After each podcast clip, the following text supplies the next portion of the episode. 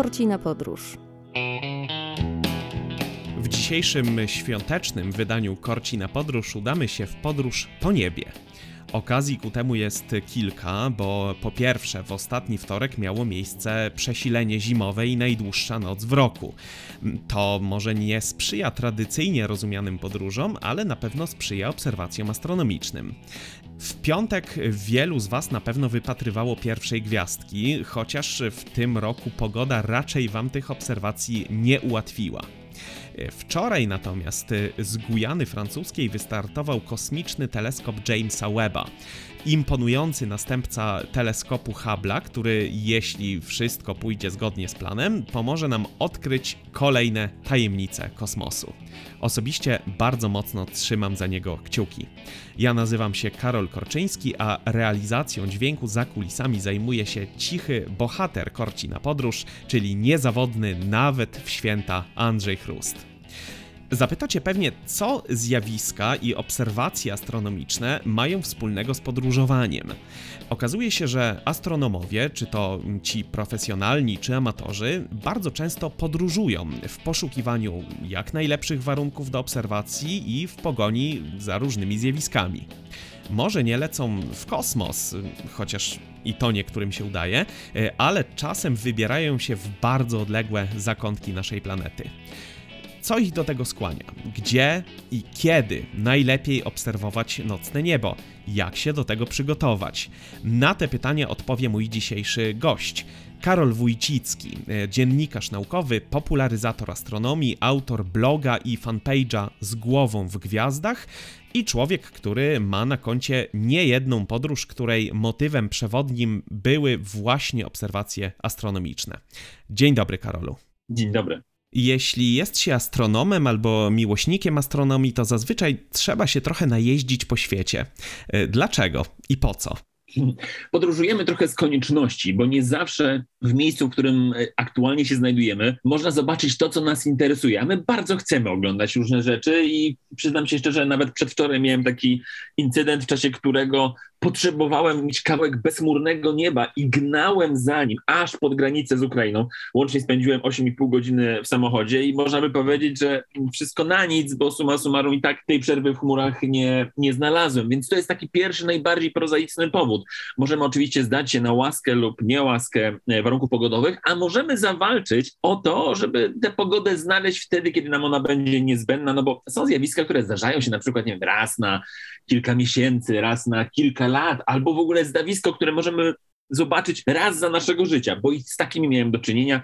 No i jakby oddając to wszystko pod dyktando pogody, można wiele stracić. Więc pogoda i jej poszukiwanie to już jest ten pierwszy czynnik, który sprawia, że my często wyruszamy w podróż. Ale z drugiej strony jest też grupa pewna zjawisk, których nie zobaczymy, nawet przy najbardziej pogodnym niebie, gdy będziemy siedzieli u nas w domu, no bo to trochę tak jakbyśmy siedząc sobie, na przykład w moim przypadku, siedząc sobie w moim ogrodzie w domu pod Warszawą, mieć nadzieję na to, że jakimś cudem zaraz za płotem w Ziaroślach zobaczę żyrafę. No, jak bardzo bym chciał, to byłoby to raczej niemożliwe albo bardzo mało prawdopodobne i jakby chcąc zobaczyć tego niezwykłego zwierza, muszę wyruszyć jednak na jakieś safari. Podobnie jest z astronomią. Część zjawisk astronomicznych wydarza się w różnych obszarach e, świata, no i to jest też powód, dla którego czasami wyruszamy w podróż. Powiedziałeś, że kilka dni temu goniłeś bezchmurne niebo pod granicę z Ukrainą. Dlaczego tak bardzo ci na tym zależało? Z bardzo prostego powodu. Po pierwsze, dlatego, że od naprawdę dawna nie miałem do czynienia z pogodnym niebem nad moim domem, nad Polską. Ja co prawda niedawno byłem za granicą w Arktyce, gdzie się napatrzyłem na bezchmurne niebo i piękne zjawiska, które tam się odbywają, ale w Polsce jak raz mieliśmy świetną okazję do tego, aby śledzić maksimum jednego z najaktywniejszych rojów meteorów w ciągu roku, roju nazywanego Geminidami. Co prawda jego warunki obserwacyjne w tym roku nie były idealne. Rok temu to było, o, kiedyś to było, można by powiedzieć. Rok temu mieliśmy rnów księżyca, e, maksimum wypadające w środku polskiej nocy i w ogóle takie dodatkowe, bardziej aktywne maksimum e, z większą ilością meteorów spadających gwiazd w ciągu jednej godziny więcej niż w ostatnich latach i to wszystko się pięknie zgrało i to się dało zobaczyć, choć co prawda tylko w jednym miejscu. Tym miejscem było Podkarpacia, konkretnie jakby już samo podnóże Tatr, gdzie pojechałem i na wysokości kilkuset metrów nad poziomem morza dopiero wyjechałem z tych chmur, które przykrywały wtedy całą Polskę. W tym roku warunki były trochę gorsze, był księżyc, który dosyć mocno e, intensywnie e, świecił. Ta aktywność była też trochę mniejsza, no ale to i tak wszystko na nic, bo, bo chmury zrobiły swoje. Także pognałem, bo też nie tylko z miłości do tego zjawiska, ale też z mojego zawodowego powołania, bo ja zawsze staram się trochę bardziej, bo poluję nie tylko dla siebie, ale też dla innych. E, prowadząc mój astronomiczny fanpage z głową w gwiazdach, staram się pokazywać ludziom przebieg różnych ciekawych zjawisk astronomicznych na żywo podczas takich transmisji internetowych. No więc wiem, że gdy ja będę mógł to zobaczyć, to przy okazji będzie mogło to zobaczyć kilka, kilkanaście tysięcy osób, które to zobaczą. No tym razem się nie udało. Następna szansa za rok. Jakie obserwacje astronomiczne i które zjawiska wymagają tego, żeby udać się w podróż? No jest kilka takich zjawisk i tym chyba najbardziej takim sztandarowym, można by powiedzieć, który jak bardzo byśmy tego chcieli, to akurat w Polsce będzie zawsze od nas wymagał przynajmniej zakupu biletu lotniczego. To są całkowite zaćmienia Słońca. To zresztą jedno z najbardziej niezwykłych, o ile nie najbardziej niezwykłe e, zjawisko, jakie można zobaczyć z Ziemi, e, dlatego że ono zdarza się od dwóch do pięciu razy w ciągu roku, przy czym maksymalnie trzy takie zjawiska mogą być zjawiskami całkowitymi, ale może być też ich w roku e, nie być ich wcale. I problem z nimi jest taki, że gdy na Ziemię pada cień księżyca, no to on ma stosunkowo nieduże rozmiary. Ma średnicę zaledwie około 100 km. To wciąż bardzo dużo mogłoby się wydawać, ale w skali całej planety to naprawdę niewiele. I on przemieszcza się w ciągu kilku godzin przez y, glob ziemski, no i, i trzeba znaleźć się na jego trasie w odpowiednim miejscu i w odpowiednim momencie, żeby to zobaczyć. Niestety ostatnie całkowite zaćmienie Słońca z terenu e, Rzeczypospolitej można było zobaczyć w roku 1954, a następne będzie widoczne z naszego kraju w 2000 135. No życzę wszystkim jak najlepiej. Medycyna podobno działa teraz cuda, ale jednak bezpieczniej i łatwiej będzie założyć, że, że chcąc zobaczyć takie zjawisko, musimy gdzieś polecieć. No więc mi się już tak zdarzało i lecieć, wtedy to jechać pociągiem, koleją transsyberyjską, na Syberię w 2008, polecieć do Chin w 2009, potem dłuższa przerwa i zaćmienie w Stanach Zjednoczonych, potem Chile w 2019, no a później przyszła pandemia i trochę plany pokrzyżowała, także najbliższe takie zaćmienie planuję oglądać w Australii w 2023 roku. No jak widać, tutaj wielkiego wyboru nie mamy, ale z drugiej strony nie należy o tym myśleć jako o jakimś przekleństwie, ale wręcz takim bonusie, bo to jest super fascynujące, że łączymy pasję do gapienia się w gwiazdy z pasją do podróżowania. Nawet jeśli ktoś jakby nie pasjonuje się podróżowaniem, to mam wrażenie, że taka podróż zawsze przynosi coś ekstra i to jest szalenie pociągające. Jak należy przygotować się na taką wyprawę astronomiczną? Oczywiście domyślam się, że to zależy od y, rodzaju obserwacji, które planujemy, ale o czym y, zazwyczaj należy pamiętać i co warto ze sobą zabrać? To też zależy rzeczywiście od tego, co chcemy obserwować i czy w ogóle chcemy to tylko zobaczyć, czy chcemy to też zarejestrować, no bo może się okazać, że zawartość walizki może być diametralnie różna u osób biorących udział w tej samej e, wyprawie. Oczywiście, jak do każdego wyjazdu, czy nawet takiego turystycznego, zawsze najpierw się warto przygotować pod tym względem, że sprawdzamy, jakie warunki panują w danym miejscu. No bo wiadomo, lecąc nawet zimą na półkulę południową, to trafimy w środek lata i odwrotnie, lecąc latem na drugą stronę planety, e, trafimy do zimy, więc trzeba się do tego odpowiednio przygotować. Ale nawet jadąc zimą na daleką północ Europy, no to wtedy też raczej polska zima zimie norweskiej równa nie jest. Więc to są te najbardziej podstawowe rzeczy, do których musimy się e, przygotować. A kolejna rzecz, którą musimy sprawdzić, o której musimy się dowiedzieć, to po pierwsze, jakie zjawisko oglądamy, i z czym ono się wiąże. Czy to jest zjawisko, które rozciąga się w czasie i możemy przez cały czas naszego wyjazdu mieć szansę na jego zobaczenie. I przykładem jest zorza polarna w Arktyce albo po prostu niebo południowe, zupełnie inne rodzaje gwiazdozbiorów, inne gwiazdy widoczne nad naszymi głowami przez każdą noc, kiedy wyruszamy na południową półkulę. Wtedy możemy trochę mniej kłaść nacisk na sprawdzanie warunków pogodowych, no bo w ciągu długiego wyjazdu jakaś noc może pogodna się zdarzy na takie zjawisko. Ale gorzej, jeśli mamy do czynienia ze zjawiskiem, które jest takim zjawiskiem punktowym w czasie, to znaczy, że ono się wydarzy teraz, potrwa chwilę i koniec. I to jest jedyna szansa na zobaczenie tego. No i wspomniane wcześniej zaćmienie Słońca jest y, koronnym przykładem takiego zjawiska, do którego trzeba przygotować się w 100% i tam nie ma miejsca na najmniejsze potknięcie, niedopatrzenie, bo jak przegapimy, to kropka. To nie ma więcej, nie możemy tego naprawić. Musimy czekać kilka lat i jechać w kolejną wyprawę, żeby to zobaczyć. W przypadku zaćmień słońca i takich krótkich, punktowych zjawisk jest to sprawa o tyle problematyczna, że gdy wyjeżdżamy na weekend za miasto, to możemy sobie sprawdzić, jaka będzie prognoza jutro czy pojutrze i wiedzieć, czy chcemy jechać, czy lepiej sobie z warą uwagi na warunki pogodowe odpuścić. Planując wyprawę na drugą półkulę, raczej nie robimy tego z dnia na dzień. Raczej planujemy to w perspektywie kilku miesięcy, pół roku, może nawet w niektórych przypadkach nawet rok wcześniej. Wtedy nie masz szans na przewidzenie tego, jakie warunki pogodowe będą panowały wtedy w tej części globu, więc jedyne na czym możemy polegać, ale co na szczęście się pojawia coraz częściej, to statystyki pogodowe, czyli zobaczyć, jak danego dnia, o danej godzinie, gdy ma wystąpić takie e, zjawisko, na przestrzeni ostatnich na przykład 14 lat kształtowały się warunki pogodowe. Wyciąga się z tego pewną średnią i można mniej więcej szacować, gdzie mamy większą lub mniejszą szansę na bezchmurne, pogodne niebo. To bardzo ważne, szczególnie w przypadku zaćmień słońca i pamiętam, że gdy leciałem na zaćmienie w Chinach w 2009 roku, to takich statystyk jeszcze nie było, no i niestety skończyło się tym, że wybrane przeze mnie miejsce e, obserwacji było przykryte chmurami, padał deszcz i zaćmienia najdłuższego w stuleciu nie zobaczyłem. Ale już ten błąd, w, w, będąc w Ameryce Południowej, w Chile i w Argentynie, a wcześniej w Stanach Zjednoczonych, naprawiłem przy pomocy odpowiednich map pogodowych, statystyk, no i udało się, planując wyjazd dużo, dużo wcześniej, sprawdzić, jaka pogoda może być w danym obszarze. To nie zawsze się musi sprawdzić, ale jest dla nas jakąś podstawą do podejmowanych działań. No a do tego potem jeszcze dochodzi pakowanie i tutaj już bywa bardzo różnie, bo jeśli ktoś jedzie tylko zobaczyć, no to w zasadzie wystarczą mu ubranie jak na zwykły wyjazd turystyczny. Jeśli natomiast chcemy coś zaobserwować, to, to zależy od tego, co obserwujemy, czy chcemy fotografować niebo na przykład południowe, wtedy zabieramy sprzęt do astrofotografii, który o, potrafi trochę ważyć, albo zabieramy po prostu jeden plecak ze sprzętem fotograficznym e, i jakiś solidny statyw, to wtedy, gdy jadę na przykład na zorze polarne, bo transport wielkich teleskopów to raczej udręka, na szczęście w wielu miejscach na świecie dzisiaj takie sprzęty można wynająć, niż na przykład tłuc się ze 100-kilogramowym wielkim teleskopem, no bo logistycznie i cenowo to bywa istny koszmar. W jakie miejsca najlepiej się udać, żeby zwiększyć szanse na udane obserwacje?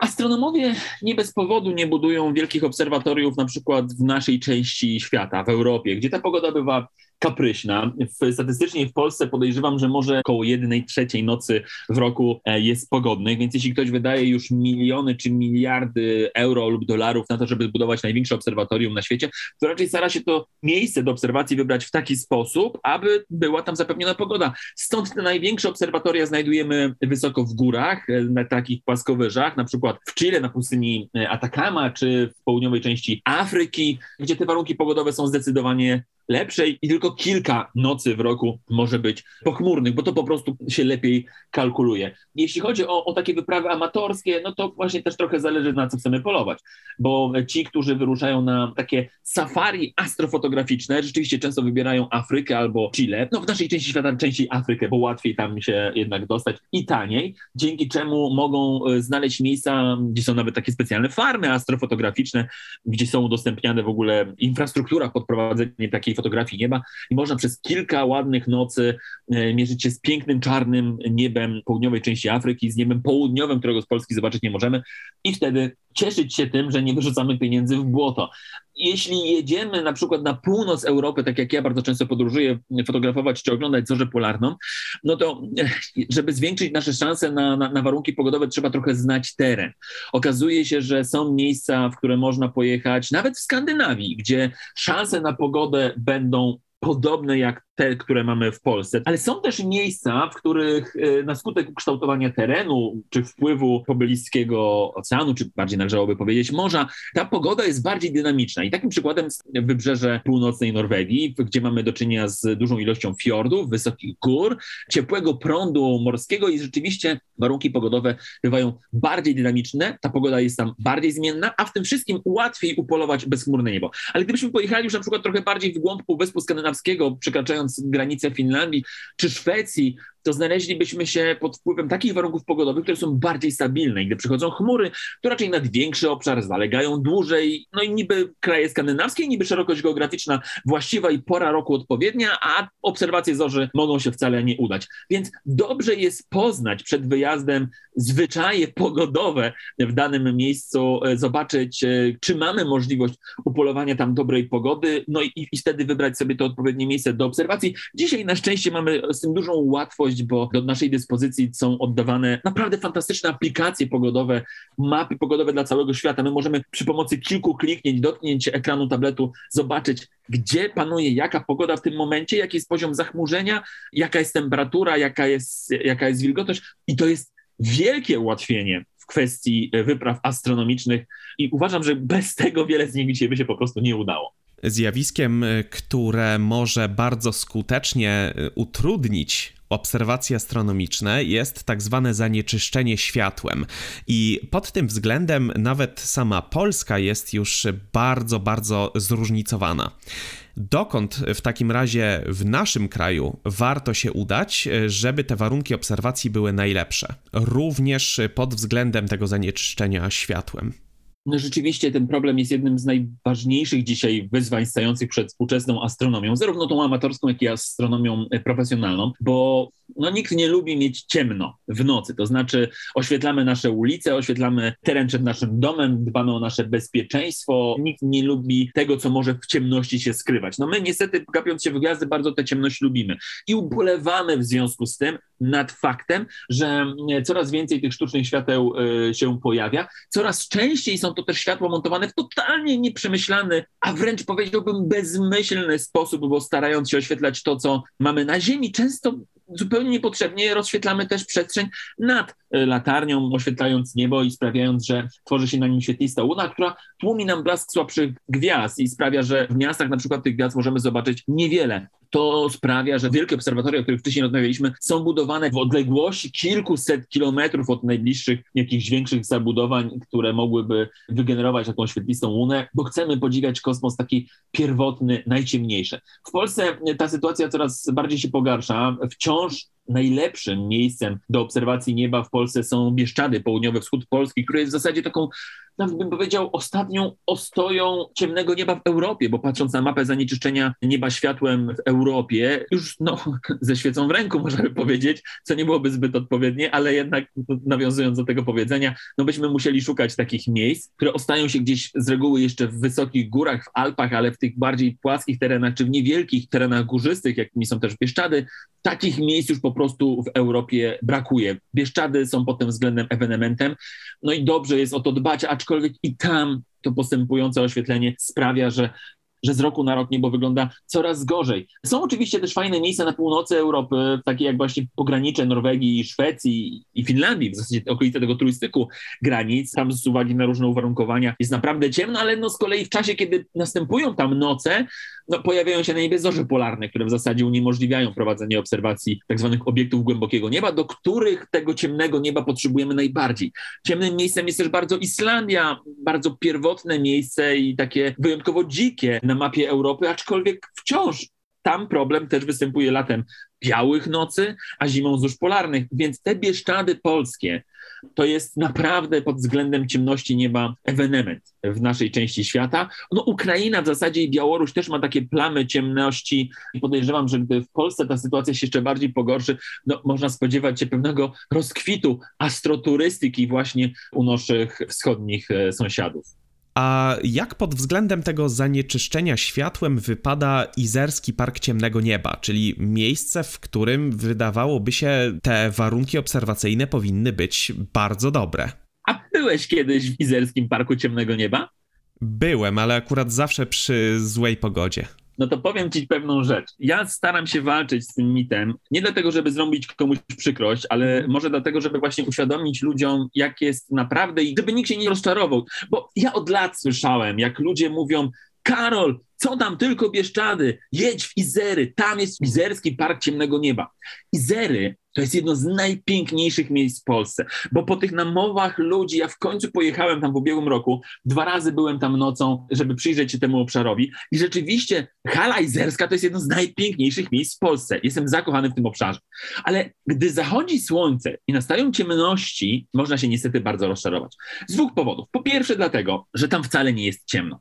Znaczy nad samymi Izerami, które są na terenie nadleśnictwa, są e, obszarem chronionym, tam nie ma sztucznych świateł, tam rzeczywiście rzeczywiście jest ciemno. Tylko problem polega na tym, że jak powiedziałem przed chwilą, nie bez powodu te profesjonalne obserwatoria budują się w odległości setek kilometrów od najbliższych zabudowań, żeby naprawdę było ciemno. No więc Izery same w sobie, choć ciemne tam na miejscu, to otoczone są wianuszkiem wielu miejscowości takich turystycznych, które bardzo świecą. Świeradów Zdrój, czy inne okoliczne miejscowości świecą tak intensywnie, że ten obszar jest otoczony łunami sięgającymi około 40-45 stopni nad horyzontem. W efekcie to miejsce wcale nie różni się bardziej, jeśli chodzi o ciemność nieba, niż moja podwarszawska wieś, gdzie jasne, nad głową w zenicie mogę zobaczyć drogę mleczną, jak w wielu innych miejscach Polski, ale przy horyzoncie mam już naprawdę bardzo jasne niebo. I to jest niestety duży problem Izerów i zachęcam każdego do odwiedzenia tego miejsca, bo jest przepiękne, ale niestety nocne obserwacje gwiazd mogą rozczarować.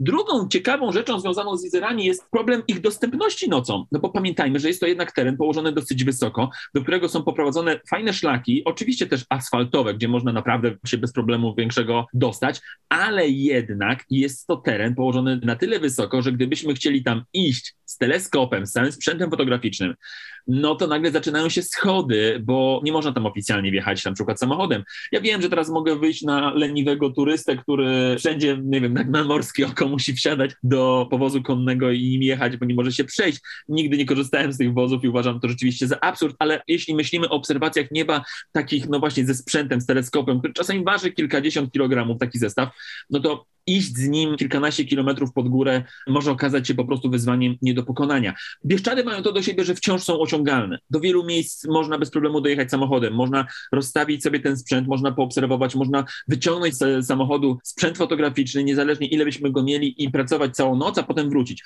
No w Izerach tego komfortu niestety nie uświadczymy, więc zachęcam każdego do odwiedzenia tego obszaru za dnia, ale niestety nocą można się rozczarować, chyba że nie mamy bardzo wielkich oczekiwań, bo też pamiętajmy, że mówię tutaj trochę z punktu widzenia miłośnika astronomii. Człowieka, który już widział niejedno naprawdę piękne, ciemne niebo i u którego poprzeczka jest postawiona całkiem wysoko. Takich ludzi jak ja jest całe mnóstwo w Polsce, ale ktoś, kto po prostu chciałby zobaczyć rozgwieżdżone niebo, nie znając się na nim, wierzę, że w Izerach też odnajdzie mnóstwo frajdy.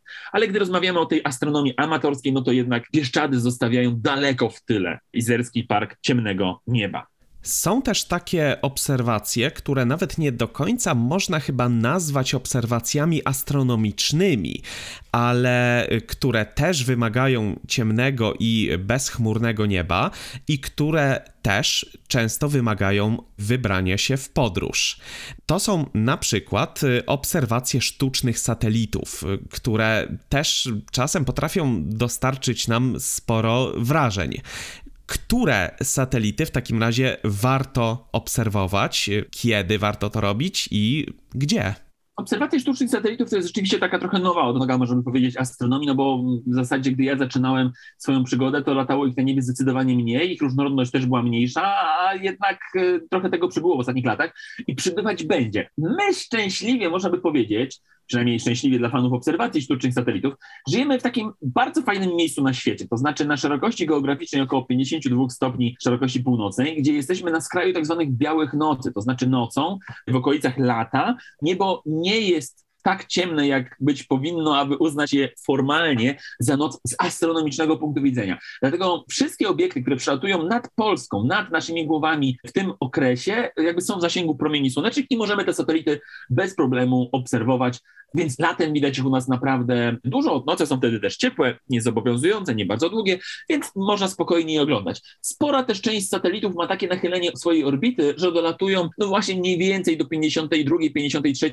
szerokości geograficznej, więc w zasadzie my jesteśmy w zasięgu większości satelitów. Możemy zobaczyć regularnie przyloty największego i najjaśniejszego spośród nich, czyli Międzynarodowej Stacji Kosmicznej. Z tych rzeczy, których nie możemy zobaczyć z Polski, jak za którymi można by potęsknić, aczkolwiek z obserwacyjnego punktu widzenia zasadzie nie są jakoś bardzo interesujące, to na przykład kosmiczny teleskop Hubble'a. On z Polski nie jest widoczny, ale jakby jest po prostu niezbyt jasnym punktem, który można zobaczyć na trochę niższych szerokościach geograficznych. Jego nachylenie orbity jest, jest trochę mniejsze, stąd tych obserwacji tu nie zobaczymy. Więc pod względem obserwacji sztucznych satelitów my w zasadzie mieszkamy w dobrym miejscu i nie musimy nigdzie jeździć. Trochę inaczej wygląda sprawa, gdybyśmy chcieli zobaczyć starty rakiet, bo, no bo wiadomo, do najbliższego kosmodromu e, mamy trochę kilometrów. Oczywiście jest jeden w Kazachstanie, ale że satelity startują w kierunku, e, rakiety startują w kierunku wschodnim, no to nie obserwujemy tych startów. Zdarza się natomiast czasami, że przy odpowiednich parametrach orbitalnych niektóre starty z Florydy są widoczne z Polski zaledwie około 12-13 minut po starcie z Florydy.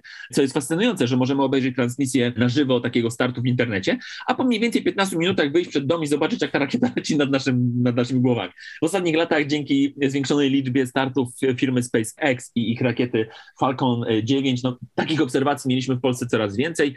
Oni też wynosili często tak zwane satelity Starlink, które tworzą nowe zjawisko na naszym niebie, jakim są tak zwane kosmiczne pociągi, gdzie przez kilkanaście pierwszych dni po starcie widać jakiś sznur satelitów, punktów lecących w liczbie 60 sztuk, jedno za drugim, no, które tworzą takie dosyć nietypowe zjawisko na naszym niebie, ale tak jak mówię, do obserwacji sztucznych satelitów w zasadzie nie musimy nigdzie wyjeżdżać. Jeśli chcielibyśmy zobaczyć start takiej misji naprawdę z bliska i, i fajne efekty z tym związane, no to wtedy najlepiej wyruszyć na przykład na Florydę podczas takiego, jakichś, jakichś wakacji w Stanach Zjednoczonych, ale no to już jest zupełnie inna para kaloszy. Zajmujesz się łowieniem i e, obserwowaniem zórz polarnych. E, czym w ogóle jest zorza polarna i jak powstaje? Zorza polarna to zjawisko, które obserwujemy na dużych szerokościach geograficznych, w okolicach biegunów magnetycznych naszej planety, które powstaje w wyniku interakcji e, wysokoenergetycznych cząstek pochodzących ze Słońca, tak zwanego wiatru słonecznego, który w rejonach biegunowych może przedostawać się w miarę blisko powierzchni naszej planety i zderzać się z cząsteczkami gazu w naszej atmosferze. Wtedy ten gaz przejmuje część wysokiej energii tego wiatru słonecznego, a potem ją oddaje, promieniuje ją właśnie w postaci światła i to my nazywamy, to my widzimy jako, jako zorzę polarną. Takie zorze teoretycznie co jakiś czas są widoczne z Polski. Moje ostatnie lata obserwacji tego zjawiska wykazały, że częściej niż my się spodziewaliśmy do tej pory występują zjawiska o takiej sile, że teoretycznie dałoby się je zobaczyć z terenu naszego kraju. Ale moja żona kiedyś powiedziała mi coś bardzo mądrego, co w zasadzie zmieniło mocno nasze życie, że Karol, jeśli chcesz się napić bardzo dobrej kawy, to sobie leć do Rzymu, a jeśli chcesz zobaczyć piękną zorzę polarną, to leć sobie do Arktyki. Nie zawracaj mi tu głowy, bo bardzo często w nocy się zrywałem i leciałem gdzieś za miasto, daleko jechałem, żeby zobaczyć jakąś majaczącą, lekko widoczną zorzę polarną, której tak naprawdę gołym okiem prawie nie było widać, a wychodziła tylko na zdjęciach. Okazało się, że rzeczywiście obserwacja nawet najgorszej, najnudniejszej zorzy polarnej w Arktyce no jest nieporównywalnie lepsza od oglądania tej najlepszej zorzy polarnej widocznej z Polski, stąd y, zawsze trzeba się na nią wybrać. Na daleką północ, nie tak bardzo daleką nam jednak, gdy żyjemy tutaj w Polsce. Co jeszcze oprócz wyjazdu w rejony okołobiegunowe można zrobić, żeby zwiększyć swoje szanse na zaobserwowanie zorzy polarnej? Im więcej czasu tam spędzimy, tym mamy większą szansę na zobaczenie zorzy. Bo tu muszą się zgrać nam dwa do trzech czynników. Te dwa podstawowe to oczywiście dobra pogoda. Jak mamy chmury na niebie, to niewiele zobaczymy, choć zdarzały się takie zorze, które, które były tak jasne, tak silne, że ich blask rozświetlał nawet pokrywę chmur, która nam zalegała nad głową i wtedy te chmury miały taki zielonkawy poblask. To się zdarzało, aczkolwiek wymaga dużej intensywności zorzy, co nie zdarza się z kolei z często. Druga rzecz to musimy trafić pod kres odpowiedniej aktywności słonecznej. Co prawda na ponad 50 moich wypraw do Arktyki e, na duże szerokości geograficzne nie zdarzyło mi się jeszcze ani razu nie zobaczyć zorzy. Zawsze każdego wyjazdu przynajmniej jedną noc miałem szansę na podziwianie zorzy, choć uczciwie mówiąc, ona nie zawsze była tą najbardziej spektakularną, najbardziej widowiskową. Natomiast y, jeśli trafimy w odpowiedni czas, odpowiednio dużej aktywności słonecznej, która jest odpowiedzialna właśnie za powstawanie takich zórz polarnych, no to mamy szansę na zobaczenie tej bardziej intensywnej, tej bardziej spektakularnej, która na pewno wryje się w naszą pamięć. Tutaj znowu mamy problem jak w przypadku zaćmień słońca, bo o ile nie możemy prognozować y, pogody tak z dużym wyprzedzeniem, no to prognozowanie aktywności zorzowej też jest ograniczone do pewnej perspektywy czasowej. Istnieje w internecie sporo aplikacji i stron stron internetowych specjalistycznych, które mogą nam podpowiedzieć, w którym czasie jest większa niż e, zwykle w skali miesiąca szansa na zobaczenie zorzy polarnej, e, no ale później w skali nocy to już trochę jest ruletka i dla tych osób mniej doświadczonych, mniej obeznanych z tym zjawiskiem nie pozostaje nic innego, jak po prostu czekać od mniej więcej godziny 18, 17 do północy i wtedy liczyć na to, że taka zorza się pojawi. Oczywiście te nasze e, szanse na zobaczenie tego zjawiska można troszeczkę zwiększyć i śledzić na przykład wtedy dane pochodzące ze sztucznych satelitów, które monitorują aktywność słoneczną i, i tak zwaną pogodę kosmiczną, no ale to już jest trochę wyższa szkoła jazdy, bo jest trochę wiedza bardziej specjalistyczna, dlatego tak jak zawsze powtarzam, jeśli lecimy oglądać zorze, to prawdę mówiąc, nie mamy nic lepszego do roboty w czasie, w czasie nocy, dlatego wtedy trzeba jak najwięcej czasu poświęcić na znalezienie odpowiedniego miejsca z odpowiednią pogodą i czyhanie później, żeby takie zjawisko zobaczyć. Stąd ja zawsze te wyjazdy planuję na mniej więcej 4 do 5 nocy, e, a jak tylko mam pogodne niebo, to nie ma zmiłuj, tych 5-6 godzin spędzam zawsze na zewnątrz, e, żeby niczego nie przegapić, bo zorza jest takim zjawiskiem, którego nie sposób porównać do czegokolwiek, co na naszym niebie można zobaczyć. Okazuje się, że ono potrafi pojawić się e, w ciągu zaledwie kilkudziesięciu sekund, i zalać całe niebo wielką falą światła, e, a potem równie szybko zniknąć. Czasami wystarczy zagapić się w smartfon, poskrolować za bardzo Facebooka, żeby przegapić cały ten spektakl, więc, więc trzeba tu być po prostu czujnym. Nie ma lepszej metody. Wspomniałeś o scrollowaniu Facebooka w czasie obserwacji astronomicznych. Wydaje mi się, że to nie jest dobry pomysł. O czym w takim razie należy jeszcze pamiętać w trakcie obserwacji i co należy robić, żeby te obserwacje przyniosły nam jak najwięcej korzyści i, no cóż, jak najwięcej frajdy? Tutaj rzeczywiście nie ma, nie ma zmiłuj i e, tak jak w nocy, gdy się budzimy i na chwilę zapalamy światło albo odpalamy smartfona, no to oczywiście od razu jesteśmy porażani potężnym blaskiem tego urządzenia i zwyczajnie nie jesteśmy w stanie niczego e, dostrzec, bo nasz wzrok zaadaptowany do ciemności nagle radzi sobie e, dużo gorzej i po prostu jesteśmy oślepiani. Po chwili wzrok się do tych warunków przyzwyczaja, ale my za to w ciemności nic nie widzimy i musimy zapalić światło albo latarkę, żeby dojść do łazienki. Tam mechanizm działa tak samo w nocy. Jeśli chcemy oglądać słabe słabe rzeczy, subtelne zmiany zachodzące na niebie i te delikatne e, poświaty albo jakieś słabe gwiazdy, musimy przyzwyczaić nasz wzrok do ciemności, a gapienie się w smartfon w tym wszystkim nie pomaga. Dlatego e, chcąc e, takie zjawisko obserwować, staramy się jak najlepiej przyzwyczaić wzrok do ciemności i nie psuć sobie tego spoglądaniem do telefonu. Ja nie mam jednak złudzeń, że jak ktoś siedzi przez 6-7 godzin i czeka sobie na coś, na co się na niebie pojawi, to się można zacząć nudzić i wtedy po ten smartfon sięgamy. Na szczęście w przypadku obserwacji zorzy te zjawiska nie są aż tak bardzo subtelne. Niektóre z nich są, ale spora też część na szczęście jest bardzo jasna i wtedy nawet przy, przy takiej szczątkowej adaptacji wzroku do ciemności, która zajmuje nam kilkadziesiąt sekund do kilku minut, można taką zorzę bez problemu zobaczyć, więc musimy znaleźć gdzieś taki balans, ale no zdecydowanie nie ułatwi nam tutaj e, siedzenie w jasnym e, pokoju, w ciepłym domku. Zwyczajnie dobrze jest spędzić czas na zewnątrz. No i możliwie zawsze szukamy takich miejsc oddalonych od latarni, oddalonych od dużych miast, gdzie możemy cieszyć się tym ciemniejszym niebem, co pozwoli nam na zobaczenie słabszej zorzy, gdyby tylko taka miała nam się trafić. A jeżeli w trakcie obserwacji chcę na przykład sprawdzić mapę nieba, to czy jest na to jakiś sposób? Jest oczywiście wiele aplikacji, umożliwia nam dzisiaj wyświetlenie różnych informacji, treści z nałożeniem takiego czerwonego filtra na nasze wyświetlacze. To się wiąże z tym, że nasz wzrok y, y, słabiej reaguje na czerwone światło, dlatego nocą dobrze jest używać latarki z czerwonym światłem. Dlatego mapy nieba można sprawdzać właśnie z takim czerwonym filtrem wyświetlanym. Praktycznie wszystkie aplikacje astronomiczne mają taką opcję, bo to jest dla nas rzecz powszechna, więc można w ten sposób to robić. No, kojarzymy pewnie takie stare zdjęcia czy filmy z takich pracowni fotograficznych, gdzie właśnie paliło się takie czerwone światło. Tak? Głównie dlatego, że dzięki temu my mogliśmy coś widzieć, a takie czerwone światło nie wpływało też bardzo bardzo negatywnie na pracę fotografa. To samo dzieje się w nocy, także dobrze zabrać czołówkę właśnie z opcją czerwonego światła. To jako podsumowanie tej naszej rozmowy i w zasadzie podsumowanie tego roku.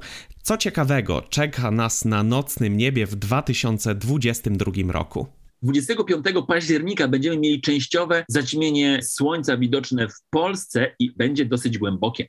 My tutaj w Polsce będziemy mieli zaćmienie o zasłonięciu słońca 41%. To sporo i to będzie można zobaczyć w godzinach takich południowych. To będzie tak zwane zaćmienie częściowe, to znaczy, że nigdzie na świecie nie wystąpi wtedy zaćmienie całkowite ani obrączkowe. Ten cień księżyca akurat minie naszą planetę trochę nad północnym biegunem Ziemi, ale w niektórych częściach świata będzie można zobaczyć zobaczyć właśnie zaćmienie częściowe, głównie w Europie i bardziej na Syberii, tam to zaćmienie będzie najgłębsze i 80% zaćmienia nastąpi. Też czekają nas deszcze meteorów, mamy tradycyjne perseidy, będą, mam nadzieję, też geminidy w trochę lepszych warunkach niż w tym roku, także będzie można się temu też przyglądać. A o wszystkich informacjach takich o ciekawych zjawiskach astronomicznych na bieżąco, ja zawsze będę informował na moim astronomicznym fanpage'u z głową w gwiazdach, na który Was też bardzo serdecznie zapraszam.